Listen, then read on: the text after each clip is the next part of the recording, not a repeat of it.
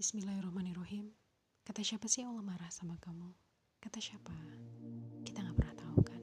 Makanya justru mumpung masih ada kesempatan, Allah masih nih kasih kita hidup detik ini. Berarti tandanya kita masih boleh tobat. Yuk tobat yuk. Gak usah